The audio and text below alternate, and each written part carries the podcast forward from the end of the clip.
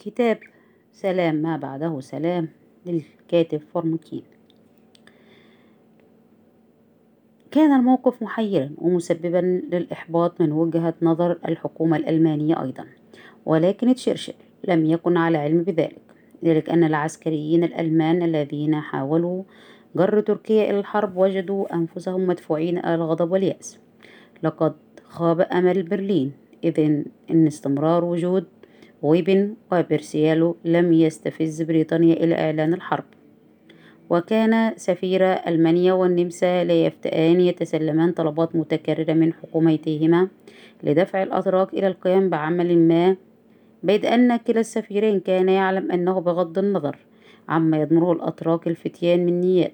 هنالك أسباب وجيهة لدى الصدر الأعظم وزملائه تمنعه من الاندفاع إلى التدخل فورا في النزاع الأوروبي.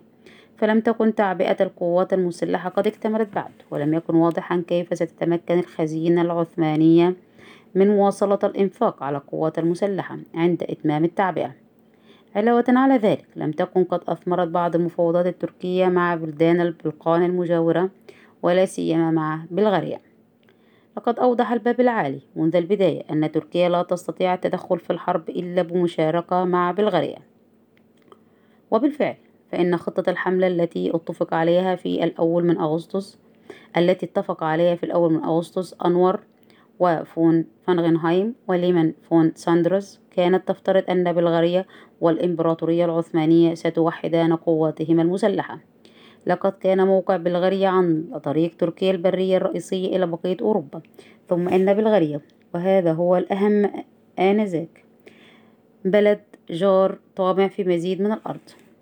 فإذا ما غزت بلغاريا الأراضي التركية بينما الجيوش العثمانية بعيدة عن بلادها ومنهمكة في مقاتلة الروس ستجد الإمبراطورية نفسها مغلولة اليدين. ولذلك قال الصدر الأعظم للسفير الألماني إن ألمانيا لا تريد من تركيا أن يقينا إن ألمانيا لا تريد من تركيا أن تنتحر.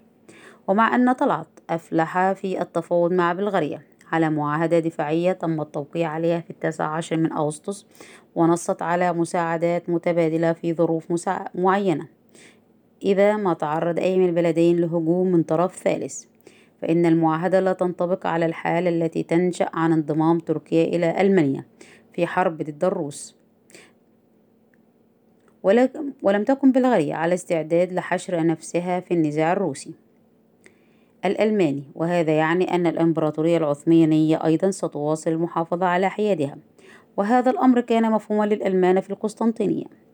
كانت برلين ولندن تنظران إلى القسطنطينية باعتبارها حالة تدعو إلى القنوط ولا بد من التذكير هنا بأن تشرشل لم يعد يؤمن بالحياد التركي وأنه اقترح على مجلس الوزراء إرسال أسطول صغير إلى الدردنيل لإغراق السفينتين غويبن وبرسلاو. ومن ناحية أخرى شعر الجنرال ليمان فون ساندرس بعد ذلك بيومين فقط باليأس من جر تركيا إلى الحرب.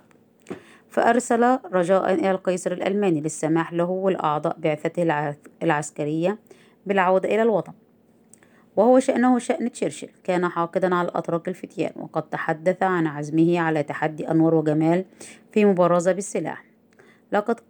لقد قال ليمان في رجائه في إلى القيصر إن جمعية الاتحاد والترقي عازمة على إبقاء تركيا متفرجة حتى انتهاء الحرب أو على الأقل تقدير حتى يتضح لها بما لا يقبل الشك أن ألمانيا ستربح الحرب. وأشار أيضا إلى احتمال أن تنهار الجيوش العثمانية قبل دخولها الحرب نتيجة الافتقار إلى المال والغذاء إذا أبقاها الباب العالي في حالة التعبئة.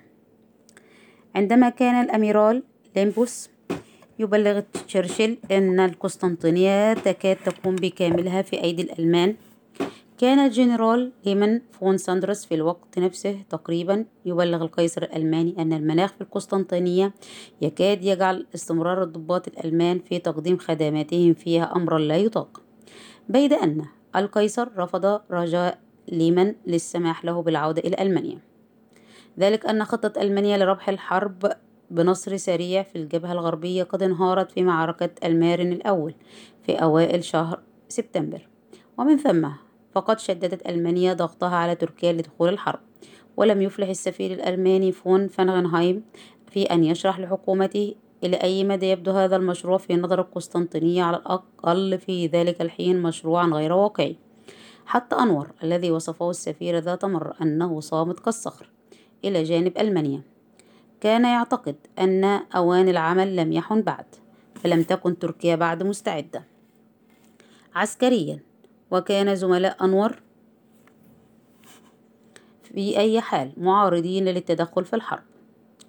ظهر بكل جلاء في الثامن من سبتمبر 1914 التباين بين الهدفين النهائيين للحكومتين العثمانية والألمانية عندما أعلن الباب العالي من جانب واحد إلغاء الامتيازات لجميع الدول الأجنبية ومن ضمنها ألمانيا.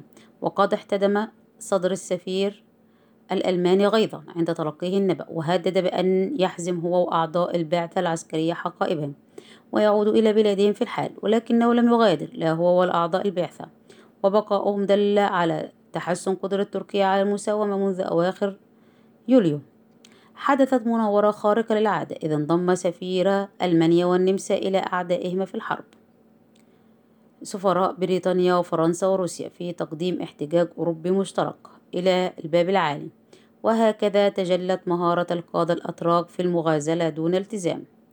إذ أن السفير السفيرين الألماني والنمساوي أبلغ الباب العالي سرا أنهما لن يتابعا الموضوع مؤقتا. أما سفراء الدول الحليفة فقد أصروا بدورهم للباب العالي بأنهم يقبلوا القرار التركي إذا بقيت تركيا على الحياد. مضى الباب العالي في تنفيذ قراره. فأغلقت فأغلقت في مطلع أكتوبر جميع مكاتب البريد الأجنبية في الإمبراطورية وأخضع الأجانب بالقوانين التركية والقضاء التركي وبدأت جباية الرسوم الجمركية على المستوردات الأجنبية بل زيدت نسبتها. نظرا للفوائد الملموسة التي بدأت تنساب من انتهاج سيادة عدم التدخل. يبدو أمرا مذهلا شروع أنور باشا في ذلك الحين أو نحوه بالتآمر على تلك السياسة وعلى داعيتها الأول الصدر الأعظم. ولعل الوجود العسكري الألماني الكبير في القسطنطينية مدعوما بالسفينتين غويب وبرسالو قد كان له دور في حساباته. ولكن الأرجح أن ما كان يفكر به أنور باشا ومجرى الحرب الروسية الألمانية. كان الخوف من استيلاء روسيا على أراضي تركيا. هو محرك سياسته في يوليو وأغسطس. ولكنه أخذ فيما يبدو يفكر في شهر سبتمبر وفي أعقاب الانهيار الروسي في الاستيلاء على أرض روسية أي أنه انتقل من السياسة الدفاعية إلى السياسة العدوانية. وكان انتقاله نقطة تحول في الشؤون العثمانية وشؤون الشرق أوسطية. قد يمكن الحدث الحدث في أن الظفر العسكري الذي أحرزه الألمان على الروس في معركة تان ينبرغ في نهاية أغسطس والمعركة المتواصلة عند بحيرات مازوريان التي بدأت في سبتمبر قد أقنع أنور بأن على تركيا إذا شاءت أن تنال نصيبا من الأرض الروسية. أن تسارع إلى التدخل قبل أن تحقق ألمانيا نصرا من دون مساعدة منها. كان الألمان قد قتلوا أو أسروا مئات الآلاف من الجنود الروس وباستطاعة أي مراقب أقل اندفاعا من أنور أن يستنتج أن روسيا على وشك أن تخسر الحرب. كان قطار النصر الألماني يغادر المحطة ويبدو أن أنور الانتهازي اعتقد أنها فرصته الأخيرة للحاق بالقطار. وفي السادس والعشرون من سبتمبر أصدر شخصيا الأمر بإغلاق الدردنيل في وجه جميع السفن الأجنبية واقعيا في وجه السفن الحليفة دون أن يستشير زملائه. وبعد ذلك بأسبوع أخبر فون فانغنهايم أن الصدر الأعظم لم يعد يمسك بزمام الأمور. كان ثمة سباق على السلطة يجري في القسطنطينية خلف الأبواب المغلقة ووزارة الخارجية البريطانية التي كانت شبه خالية الذهن. مما يدور في نطاق السياسة الداخلية لجمعية الاتحاد والترقي. كان لها رأي مبسط في المسألة. ولقد تذكر سير إدوارد تغراي وزير الخارجية فيما بعد أنه قال لا شيء سوى اغتيال أنور يمكنه أن يحول دون انضمام تركيا إلى ألمانيا وأنه أضاف إلى ذلك أنه في زمن الأزمة والعنف في تركيا لا مفر من وجود فئتين من الأشخاص قاتل ومقتول. والأرجح أن يكون الصدر الأعظم وليس خصمه من الفئة الثانية. ترى هل كان بإمكان سفير بريطانيا حسن الاطلاع أن يمارس شيئا من التأثير على تطور الأحداث في القسطنطينية؟ هذا السؤال لا يزال المؤرخون يتداولونه بطبيعة الحال. ما من سبيل الآن لوضع المسألة موضع الاختبار. ومع أن التفاصيل تظل محاطة بالغموض فإن ما جرى في خريف عام 1914 هو عملية كانت الفئات والشخصيات المتناحرة تناور ضمنها من أجل الحصول على المساندة داخل اللجنة المركزية لجمعية الاتحاد والترقي. وكان تنامي نفوذ أنور ناشئا عن استمالة طلعت بك إلى جانبه إذ كان طلعت على رأس الفئة الرئيسية في الحزب. ومع أن زعماء جمعية الاتحاد والترقي الآخرين كانوا من رأى أنور في أنور في أن ألمانيا قد تربح الحرب فلم يروا حتى ذلك الحين سببا لتعريض مستقبل إمبراطوريتهم للخطر استنادا إلى دقة أو عدم دقة التنبؤ بالأحداث. كان هؤلاء السياسيين أما أنور فكان رجل حرب وأصغر سنا وأكثر اندفاعا من تشرشل ولكنه مفعم بالقدر نفسه من الرغبة الملتهمة في المجد وهو بصفته وزير الحربية وأقرب أصدقاء ألمانيا. لكي يذيع صيته وتتعزز مكانته. هذا الشخص المتهور الذي واتاه الحظ بغير حدود دون أن يظهر سوى كفاءة محدودة. لم يفطن إلى أن المرء قد يربح الرهان وقد يخسره. وإذ راهن على ألمانيا ظن أنه يقوم بعمل استثماري مع أنه كان في الواقع يقامر مقامرة خاسرة. في التاسع من أكتوبر أعلم أنور السفير فون فانهايم أنه كسب تأييد طلعت وخليل بك رئيس مجلس النواب وقال له أن الخطوة التالية هي محاولة كسب تأييد جمال باشا. وزير البحرية وتبع قائلا إذا أخفقت ف... إذا, أخ... إذا أخفقت سأفجر أزمة وزارية. وعلى أساس ما له من أتباع في اللجنة المركزية هم في الواقع أتباع طلعت. يستطيع عندها أن يأتي بحكومة مؤيدة للتدخل في الحرب. لقد بالغ أنور في تقويم قوته السياسية عندما أكد الألمان أنه قادر على إشراك تركيا في الحرب. في موعد لا يتجاوز منتصف أكتوبر وأن كل ما يحتاجه هو إمداده بمبالغ من الذهب لدعم الجيش. وكاد الألمان بطبيعة الحال يعرفون أن القوات العثمانية بحاجة إلى المال. ورفع ليمان تقريرا إلى القيصر الألماني قائلا فيه أن القوات العثمانية مهددة بالانهيار الوشيك إذا لم يتوفر لها المال. انضم جمال إلى المؤامرة في العاشر من أكتوبر وفي الحادي عشر منه اجتمع أنور وطلعت وخليل وجمال. فأبلغوا الجانب الألماني أن الفئة التي تأتمر بأمرهم ملتزمة الآن بدخول الحرب وأن الأميرال سويتشون سيحصل على الإذن بمهاجمة روسيا بمجرد أن تودع الم... تودع ألمانيا في القسطنطينية مليوني ليرة تركية ذهبا لدعم القوات المسلحة. وقد استجاب الألمان فأرسلوا مليون ليرة في الثاني عشر من أكتوبر ومليون آخر في السابع عشر منه وتم شحن الذهب بالقطار عبر رومانيا المحايدة. وقد وصلت الشحنة الثانية إلى القسطنطينية في الواحد وعشرون من شهر نفسه عند ذلك بدل طلعت وخليل رأيهما. لقد أراد الاحتفاظ بالذهب مع البقاء على الحيادة في الحرب. وقد اطلع أنور أطلع أنور الجانب الألماني على ذلك في الثالث والعشرون من أكتوبر. ولكن ادعوا أن هذا التبدل ليس بالأمر الذي يشغل البال ما دام يعتمد على تأييد الوزير الآخر الذي تأتمر بأمره قوة عسكرية. أي جمال باشا لقد أعلن أنور فيما بعد أن طلعت تراجع فعاد إلى تأييد التدخل في الحرب. ومع ذلك كف أنور عن محاولة إقناع حزب وحكومته بدخول الحرب. وبما أنه لم يستطيع حمل تركيا على إعلان الحرب على الحلفاء فقد علق آماله على خطة لاستفزاز الحكومات الحليفة كي تعلن هي الحرب على تركيا. أصدر أنور وجمال أوامر سرية تأذن للأميرال سويتشن بأن يقود السفينتين غويبن وبرسلاو إلى البحر الأسود لمهاجمة السفن الروسية. وكانت خطة أنور أن يدعي أن السفينتين الحربيتين تعرضتا لهجوم روسي فاضطرتا للدفاع عن النفس بيد أن الأميرال سويتشن خالف أوامر أنور وبدأ قتالا علنيا بقصف الساحل الروسي. ومرة أخرى قام هذا الأميرال الألماني بحركة تاريخية. وقد قال فيما بعد أن غايته كانت أن يرغم الأتراك خلافا لإرادتهم بتوسيع نطاق الحرب. ونتيجة لتصرفه صار واضحا كل الوضوح أن غويبن وبرسالو قامتا بضربة مدبرة. وبذلك انعدمت الكذبة التي أرادها أنور أن, أن تواري ما سمح هو بحدوثه أدت هذه الحادثة إلى مماحكة مكشوفة في القسطنطينية فقد أرغم الصدر الأعظم ومجلس الوزراء أنور على الإبراق إلى الأميرال سويتشن بأمر وقف إطلاق النار وأعقبت ذلك أزمة سياسية. استمرت زهاء يومين. وحجبت تفاصيلها حتى عن الألمان والنمساويين المعروفين عادة بحسن اطلاعهم. وكانت ثمة اجتماعات لمجلس الوزراء العثماني وللجنة المركزية لجمعية الاتحاد والترقي. وقد جرت مناقشات وصدرت تهديدات وقامت تحزبات وقدمت استقالات وسحبت استقالات ويظهر أن إجماع الرأي كان قريبا من تفكير سكويث في بريطانيا قبيل اندلاع نار الحرب. إن الأولوية التي لا تعلو عليها أولوية أخرى هي المحافظة على وحدة الحزب. وبالرغم من أن أغلبية في اللجنة المركزية أيدت الثلاثي الجديد المؤلف من أنور وطلعت وجمال. في وجهة نظره القائلة أنه ينبغي للإمبراطورية العثمانية أن تدخل الحرب. فقد رضخت هذه الأغلبية لوجهة نظر الأقلية بقيادة الصدر الأعظم ووزير المالية خشية انشقاق الحزب.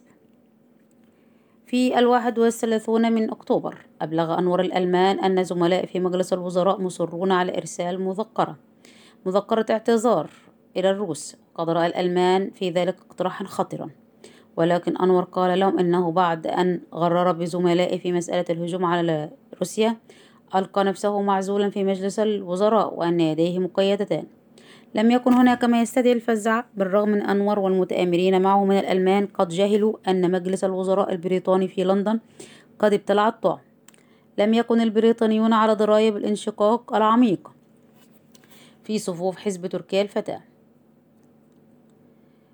فاعتقدوا أن الباب العالي كان طوال الوقت متواطئا مع ألمانيا وجاء رد بريطانيا على الهجوم الذي قام به سويتشون قبل أن يتمكن الباب العالي من إعداد مسودة مسودة مذكرة الاعتذار. فقد سمح مجلس الوزراء البريطاني بإرسال إنذار نهائي يطلب الأتراك طرد البعثة العسكرية الألمانية فورا وإبعاد الضباط والبحار الألمان عن غويبن وبرسيالو فلما امتنع الأتراك عن التجاوب لم يهتم تشرشل بعرض المسألة على مجلس الوزراء بل أرسل مبادرة منه الأوامر إلى قواته في البحر الأبيض المتوسط بعد ظهر الواحد وثلاثون من أكتوبر مباشرة الأعمال الحربية ضد تركيا في الحال. غير أن الأميرال البريطاني الذي تلقى الأمر من تشرشل لم ينفذه على الفور ونتيجة لذلك لم تعلم تركيا أن بريطانيا أعلنت الحرب عليها. أما في القسطنطينية فقد كان أنور لا يزال متخوفا من احتمال قبول روسيا الاعتذار التركي ولكي يحول دون قبوله زيف مرة أخرى نيات زملائه في مجلس الوزراء بأن أضاف إلى المذكرة التركية زعما فاحشا بأن روسيا هي التي استفزت تركيا للهجوم. وبطبيعة الحال رفضت حكومة القيصر الروسي هذا الزعم ووجهت إنذارا نهائيا إلى الباب العالي. وفي الثاني من نوفمبر أعلنت الحرب. شرعت القوات البحرية البريطانية بالعمليات الحربية ضد الإمبراطورية العثمانية في الأول من نوفمبر وفي اجتماع مثير عقدته الحكومة العثمانية ليلة الواحد والثاني من شهر نوفمبر. لم يسعى الوزراء حتى الفئة المناصرة للصدر الأعظم إلا الإقرار بأن الإمبراطورية أمست في حالة حرب شاءت أم أبت. ومع ذلك لم يصدر عن لندن إعلان الحرب. قصفت السفن الحربية البريطانية في الثالث من تشرين الثاني نوفمبر بأمر من تشرشل قلاع الدردنيل الخارجية وقد رأى النقاد فيما بعد أن ذلك كان نوعا من نزق الأولاد من جانب تشرشل لأن هذا القصف نبه تركيا إلى مكمن الضعف في القلاع بيد أنه ليس من دليل على أن تركيا ردت على الإنذار. لقد كان المغزى الرئيسي للقصف في حينه أنه دلالة على أن الأعمال الحربية قد بدأت. في الرابع من نوفمبر قال سكويث في تكتم نحن الآن صراحة في حالة حرب مع تركيا غير أن الشكليات أهملت وظلت الحال هكذا حتى صباح الخامس من نوفمبر إذ جرى في اجتماع لمجلس الملك الخاص تعديل إعلان الحرب على إمبراطوريتي آل هو هو هنزولين وآل هابسبورغ ليشمل أيضا الإمبراطورية العثمانية. إن انزلاق بريطانيا بطريقة عرضية نسبيا إلى الحرب العثمانية قد عكس مواقف الوزراء البريطانيين في ذلك الحين فلم تكن حربا علقوا عليها كبير أهمية ولم يبذلوا كبير جهد لتفاديها. ذلك أنهم لم يروا في تركيا عدوا يمثل خطرا ذا بال. انتهى التسجيل.